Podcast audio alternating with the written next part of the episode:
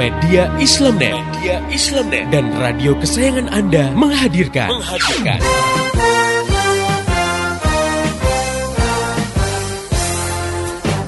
Voice of Islam. Voice of Islam. Voice of Islam.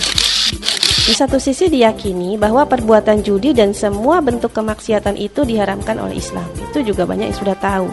Namun di sisi lain, umat Islam sendiri tidak memiliki kemampuan untuk melarang kegiatan seperti itu. Karena sebenarnya kalau orang paham Islam, maka tidak akan dia punya pendapat wanita harus bekerja karena Islam tak pernah mewajibkan wanita untuk bekerja.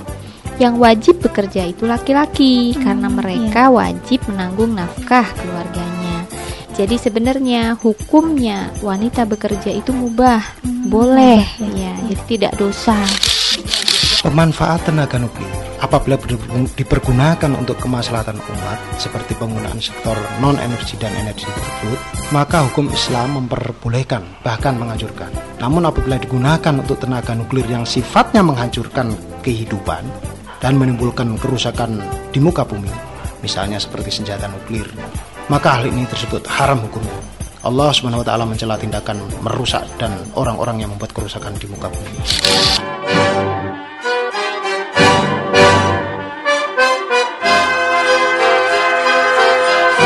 Voice of Islam. Voice of Islam. Voice of Islam.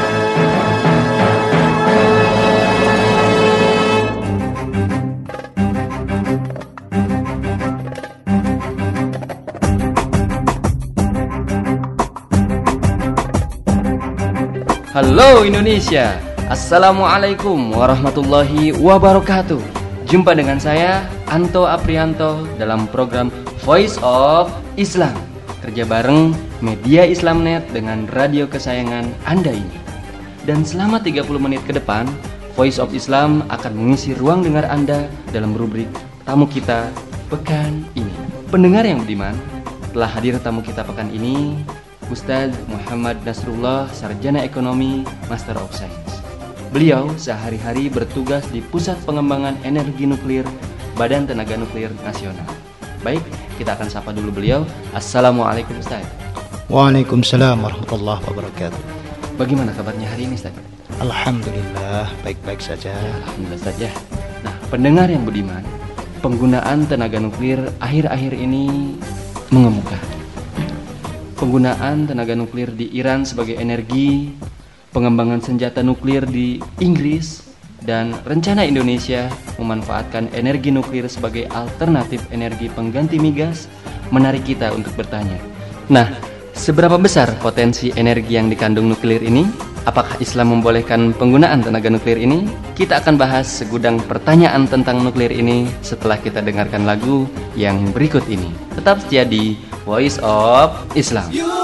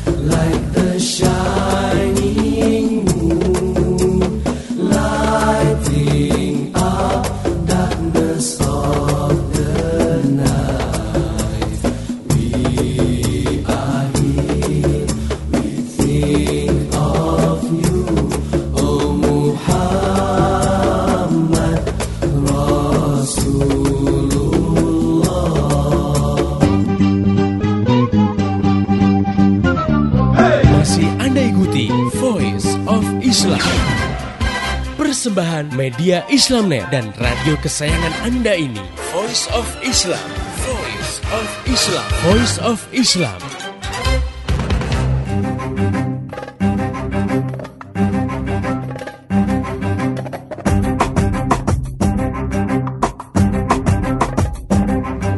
Masih di Voice of Islam. Kerja bareng media Islamnet dengan radio kesayangan Anda ini. Pendengar yang budiman, Anda masih bersama saya Anto Aprianto dan tamu kita pekan ini Ustadz Muhammad Nasrullah, Sarjana Ekonomi Master of Science. Beliau sehari-hari bertugas di Pusat Pengembangan Energi Nuklir Badan Tenaga Nuklir Nasional. Dan kali ini kita sedang membahas topik pemanfaatan tenaga nuklir dalam pandangan Islam. Baik, langsung saja kita bincang-bincang dengan Ustadz Muhammad Nasrullah. Ustadz Nasrullah, Nampaknya pemanfaatan tenaga nuklir akhir-akhir ini semakin meningkat Ustaz. Nah, seberapa besar potensi energi yang dikandung nuklir tersebut Ustaz? Baik, Mas Anto dan pendengar yang beriman, pemanfaatan nuklir dalam kehidupan kita sehari-hari itu biasanya terbagi atas dua, ya, dua sektor. Yang pertama adalah sektor non energi dan yang kedua adalah sektor energi kita ketahui bahwa sektor non energi itu bisa kita lihat di berbagai kehidupan sehari-hari kita seperti kalau kita misalnya ronsen misalnya di bidang kedokteran, di bidang pertanian ya untuk jenis uh, padi ya. Padi unggul itu bagaimana supaya lebih baik. Peternakan pun demikian dan sebagainya. Sementara di sektor energi itu tidak terlepas dari listrik yaitu pembangkit listrik tenaga nuklir atau mungkin sekarang biasa dikenal orang PLTN. Nah, kalau kita berbicara masalah energi, tentunya tidak terlepas dari kemajuan suatu bangsa karena kemajuan suatu bangsa itu diukur dari tingkat konsumsi energi tersebut. Kita lihat misalnya seperti Amerika Amerika Serikat ini merupakan negara yang paling boros atau di dalam masalah konsumsi energi. Di samping itu juga Amerika Serikat juga merupakan negara yang mengkonsumsi energi listrik yang paling besar juga di dunia. Dan kalau kita lihat Amerika mengkonsumsi sekitar 24% konsumsi listrik dunia. Sedangkan untuk BBM dunia yang kalau kita lihat sekitar 80 juta uh, barrel per hari, Amerika mengkonsumsi 25 persennya. Indonesia cuma sebesar 1,15 juta barrel per hari atau 5,7 persen dari Amerika. Oleh karena itu, pemanfaatan sektor energi dan non-energi ini sangat penting sekali. Ustadz Nasrullah, bisa sedikit dijelaskan nggak bagaimana sejarah pemanfaatan tenaga nuklir ini? Baik, kalau kita lihat sejarah ya, dari tenaga nuklir khususnya PLTN ini, kita lihat bahwa e, sejarah itu tidak terlepas dari bom atom. Ya, mungkin ini agak mengerikan, tetapi e, faktanya bahwa tahun 1945 pada waktu itu terjadi perang dunia yang kedua itu bagaimana bom atom dijatuhkan di Hiroshima dan Nagasaki. Di situlah orang baru mengenal apa dan sedemikian dahsyatnya bom tersebut dan akibat yang ditimbulkan oleh bom tersebut. Sehingga pengaruhnya masih dapat kita rasakan sampai sekarang. Di samping itu sebagai senjata pemungkas yang dahsyat. Sejak lama orang telah memikirkan bagaimana cara memanfaatkan tenaga nuklir tersebut untuk kesejahteraan manusia. Nah, salah satu di antaranya adalah PLTN yang saya sebutkan di atas. Terbukti, di samping sebagai senjata pamungkas yang dahsyat, sejak lama orang telah memikirkan bagaimana cara memanfaatkan tenaga nuklir ini untuk kesejahteraan manusia. Sam sampai saat ini, tenaga nuklir dipergunakan untuk sektor energi. Dan dalam hal ini, pembangkit listrik tenaga nuklir itu digunakan untuk membangkitkan tenaga listrik yang relatif murah, aman, dan tidak mencemari lingkungan. Nah, kalau kita berbicara masalah sejarah PLTN itu sendiri, maka uh, pemanfaatan PLTN secara komersial itu terjadi pada tahun 1954, di mana Rusia dengan jenis PLTN jenis PWR itu dengan daya 5 megawatt elektrik Kemudian di tahun yang sama Amerika pun membuat PLTN dengan dengan jenis yang sama PWR ya dengan daya 60 megawatt. Kemudian uh, dua tahun berikutnya Inggris pada tahun 1956 dengan mempunyai daya 100 megawatt elektrik. Dan kemudian berlanjut, berlanjut terus sampai sekarang. Sampai saat ini PLTN di dunia kira-kira ada 32 negara dan yang beroperasi kira-kira 442 unit PLTN. Yang melaksanakan pada tahap konstruksi itu ada 30 unit di 12 negara. Dan kita ketahui bahwa PLTN itu menyumbang listrik di dunia itu sekitar 16 persen. Saat ini PLTN itu banyak dimiliki. Ya, yang paling besar memilikinya itu adalah Amerika Serikat. Sekira-kira sekitar 104 unit. Bahkan ada penelitian terbaru lifetime dari 40 tahun yang biasa di yang ada di PLTN ini akan diperpanjang umurnya menjadi 60 tahun. Ini mau dikerjakan oleh Amerika. Di Asia yang mempunyai PLTN itu ada Cina, ada Iran, Pakistan, India, Taiwan, Jepang, Korea Selatan dan Korea Utara. Di Indonesia saat ini PLTN masih dalam memasuki pembentukan tim pembangunan PLTN ya ini mungkin kita tinggal nunggu perpresnya.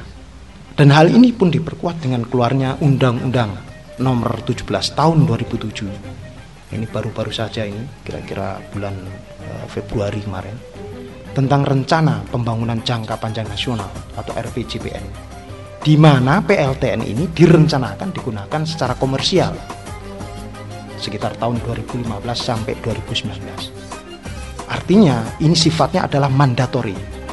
Mau presidennya siapa pun, maka PLTN itu akan dibangun. Nah, pendengar yang budiman, makin asik saja pembahasan mengenai nuklir ini. Kita akan lanjutkan pembahasan mengenai pemanfaatan nuklir ini setelah kita dengarkan lagu yang berikut ini. Tetap setia di Voice of Islam. Selagi hayat dikandung badan Jangan sekali dikau lupakan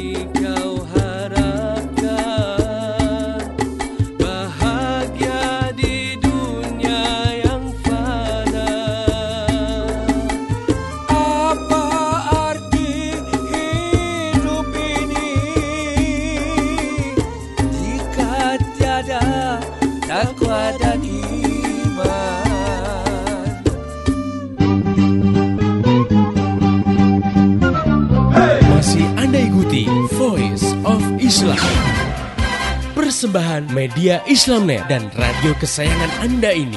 Voice of Islam. Voice of Islam. Voice of Islam.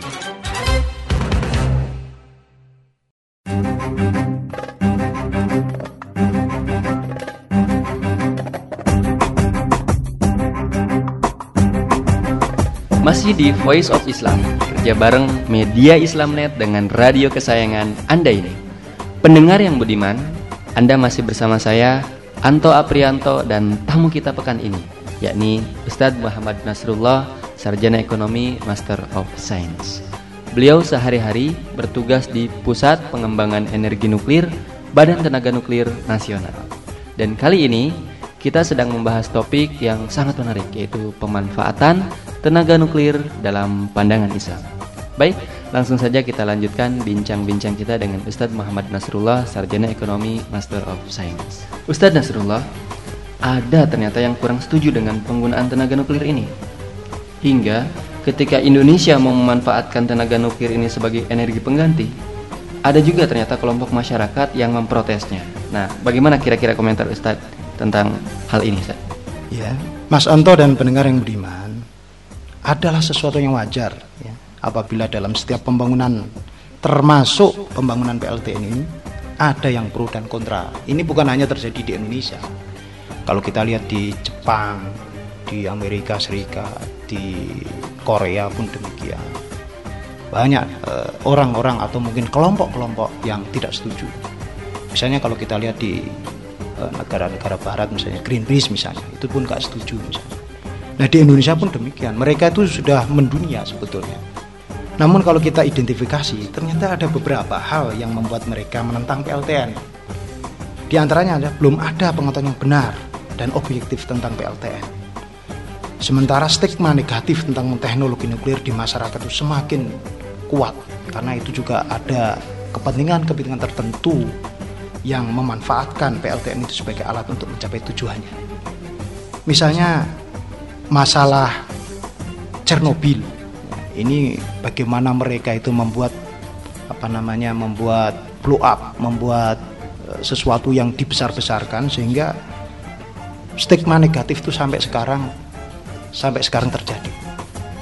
Padahal kalau kita lihat Jepang itu yang kena bom, ya, yang kena bom saja di eh, Hiroshima dan Nagasaki. Sampai sekarang pun mereka itu tambah eh, mempunyai PLTN yang banyak.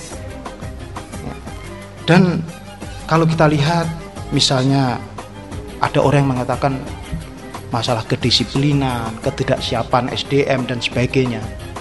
Kalau kita perhatikan, saya pernah berbicara dengan uh, orang PLN, kapan atau kesiapan uh, bagaimana kesiapan PLN ketika uh, membuat pembangkit listrik pertama kali di Indonesia. Mereka mengatakan ya ya kita memang nggak bisa langsung begitu saja langsung bisa mengoperasikan dan sebagainya. Tetapi itu uh, kita didik ya, kita latih job training dan sebagainya. Itu uh, padahal orang-orang baru itu pun bisa. Oleh karena itu saya kira antara pembangkit listrik tenaga nuklir dengan pembangkit listrik konvensional itu tidak jauh berbeda. Mungkin berbedanya ada di masalah nuklir islandnya atau per, uh, apa namanya di reaktornya dan sebagainya. Tetapi saya kira dengan berjalannya waktu memang tidak bisa langsung itu uh, kita bisa melaksanakan, tetapi saya kira uh, ada pentahapan dan uh, kita bisa untuk mengoperasikan PLTN tersebut. Lalu sebetulnya bagaimana Ustaz pandangan Islam terhadap pemanfaatan tenaga nuklir ini? Islam itu adalah agama yang penuh rahmat, hidayah dan kehidupan Allah swt berfirman kepada Rasulullah SAW di dalam surat Al-Anbiya ayat 107. "Wa ma arsalnaka illa rahmatan lil alamin." Dan tiadalah kami mengutus kamu melainkan untuk menjadi rahmat bagi semesta alam. Dalam ayat ini Allah Subhanahu wa taala menjelaskan bahwa dinul Islam datang untuk membahagiakan manusia bukan untuk menyulitkan manusia maupun mengancam keamanan dan keterapan manusia. Islam menjadikan seorang muslim memiliki cita-cita yang sangat luhur, yakni mencapai ridha Allah dan menjadikannya menjadi sifat-sifat egoisme. Oleh karena itu perbuatan seorang muslim tidak didasarkan atas azas manfaat yang pasti tak akan terlepas dari sikap egoisme manusia. Melainkan berdasarkan azas halal haram. Oleh karena itu, pandangan Islam untuk memanfaatkan tenaga nuklir, hukum asalnya adalah mubah.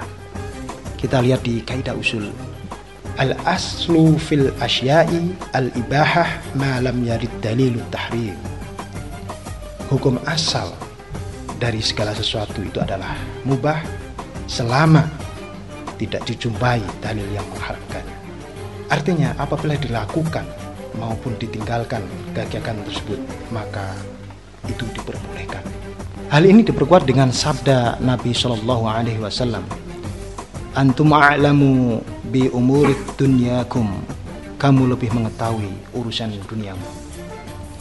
Kita ketahui bahwa tenaga nuklir itu sangat bermanfaat bagi aspek kehidupan, baik sektor energi maupun non-energi, sebagaimana yang dijelaskan sebelumnya. Ketika saya mensosialisasikan tenaga nuklir, walaupun itu masih studi ya, di suatu daerah, beberapa kalangan tokoh masyarakat dan ulama itu mengatakan apabila PLTN itu maslahat maka baru mereka terima. Oleh karena itu, kita sebaiknya harus menjelaskan dampak positif dalam hal ini manfaat dan dampak negatif yaitu kerusakan sehingga dapat diketahui berapa besar dampak positifnya dan apakah dampak negatif dapat dikendalikan. Apabila ini bisa dilakukan, maka saya kira PLTN itu maslahat dan sangat diperlukan oleh masyarakat. Untuk keperluan apa saja Ustaz? Pemanfaatan tenaga nuklir ini diperbolehkan menurut hukum Islam. Jadi batasannya Ustaz gitu. Dan keperluan apa saja yang tidak diperbolehkan? Pemanfaat tenaga nuklir apabila dipergunakan untuk kemaslahatan umat seperti penggunaan sektor non energi dan energi tersebut, maka hukum Islam memperbolehkan bahkan menganjurkan.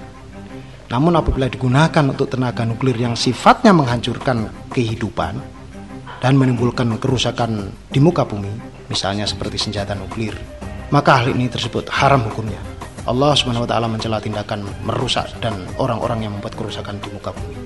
Kita lihat firman Allah di dalam surat Al-Baqarah 205, di dalam Al-Qasas 77, di dalam Al-A'raf 56. Oleh karena itu senjata dalam Islam bukan untuk menghancurkan dan membasmi keturunan manusia dan tanaman sebagaimana yang dilakukan oleh negara barat maupun timur yang menggunakan senjata mereka tanpa kontrol seperti gas beracun, senjata nuklir, senjata biologis, dan sebagainya.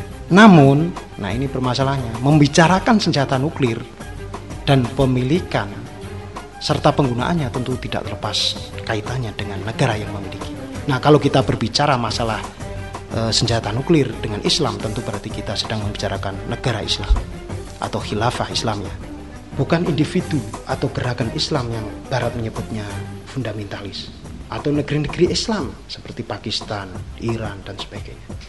Pertanyaannya adalah apa yang harus diperbuat apabila sistem Islam telah diterapkan dengan adanya khilafah Islamnya dan apa yang dilakukan terhadap warisan nuklir di negeri-negeri Islam seperti Pakistan, Iran dan negeri-negeri Asia Tengah seperti Uzbekistan, Kazakhstan dan sebagainya.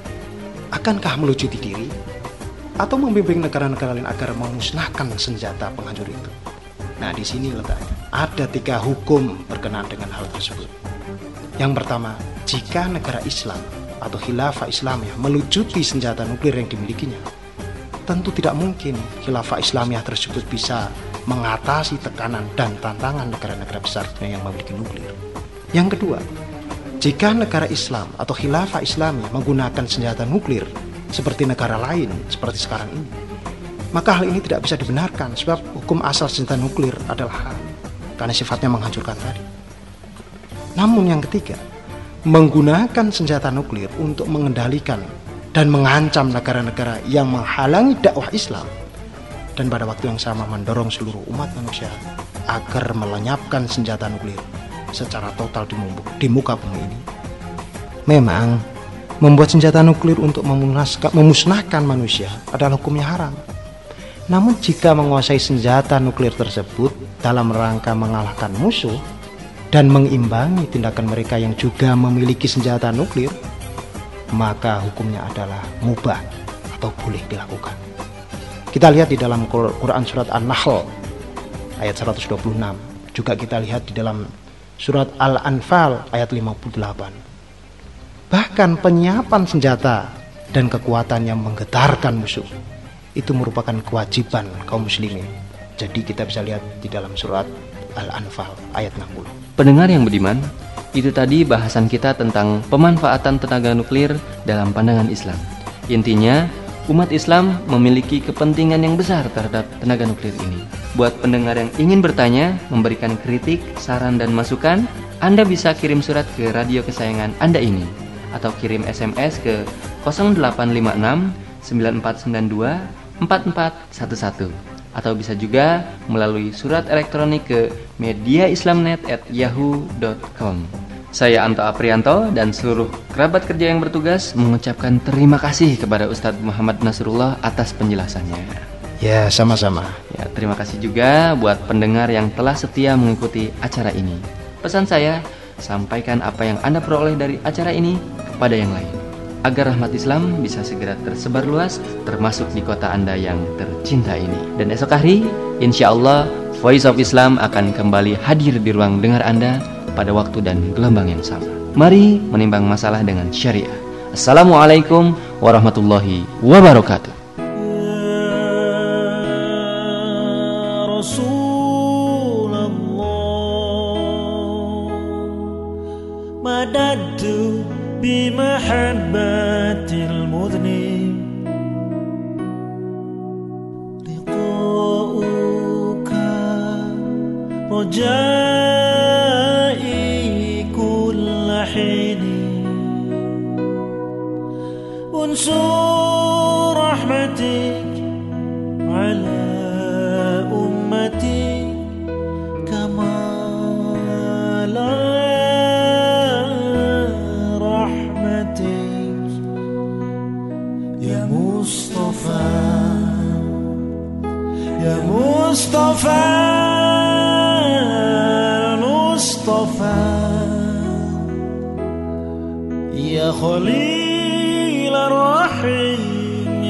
matin.